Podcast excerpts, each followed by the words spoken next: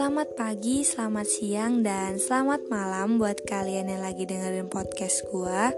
Welcome to my podcast. Sejujurnya, ini pertama kali gue buat podcast kayak gini. Jadi, kalau ada suara atau omongan gue yang kurang enakin, mohon dimaklumin ya.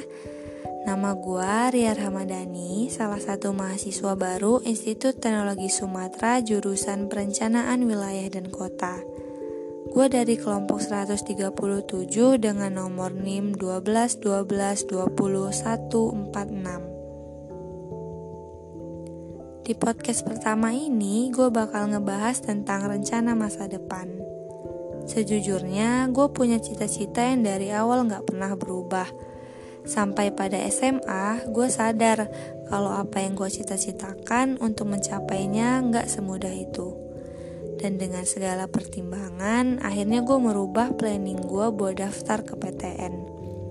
Ya, walaupun awal nentuin kampus sama jurusan gue cukup kebingungan, tapi syukur alhamdulillah gue bisa nentuin apa dan di mana jurusan dan kampus apa yang cocok sama fashion gue. Dan gue menemukan itu di Perencanaan Wilayah dan Kota Institut Teknologi Sumatera.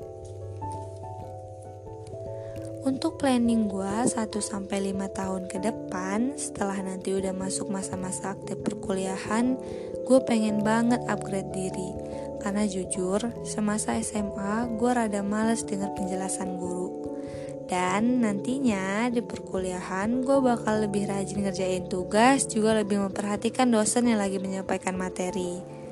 Kebetulan kebiasaan yang mau gue rubah tentunya berhubungan sama rencana gue yang pengen lulus tepat waktu dan juga dapat IPK yang memuaskan.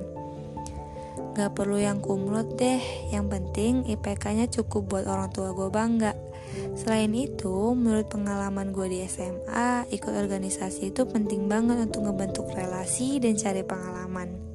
Jadi, rencana gue sih gue bakal tetap ikut organisasi juga di perkuliahan. Dan untuk rencana jangka panjangnya atau rencana setelah gue lulus kuliah, sebenarnya gue masih belum kepikiran sih. Kayaknya karena gue belum ada pengalaman terjun langsung ke dunia perkuliahan deh. Tapi gue yakin setelah gue terjun gak lama dari itu gue bakal bisa nentuin planning-planning gue selanjutnya. Nah, jadi teman-teman, menentukan planning itu penting loh.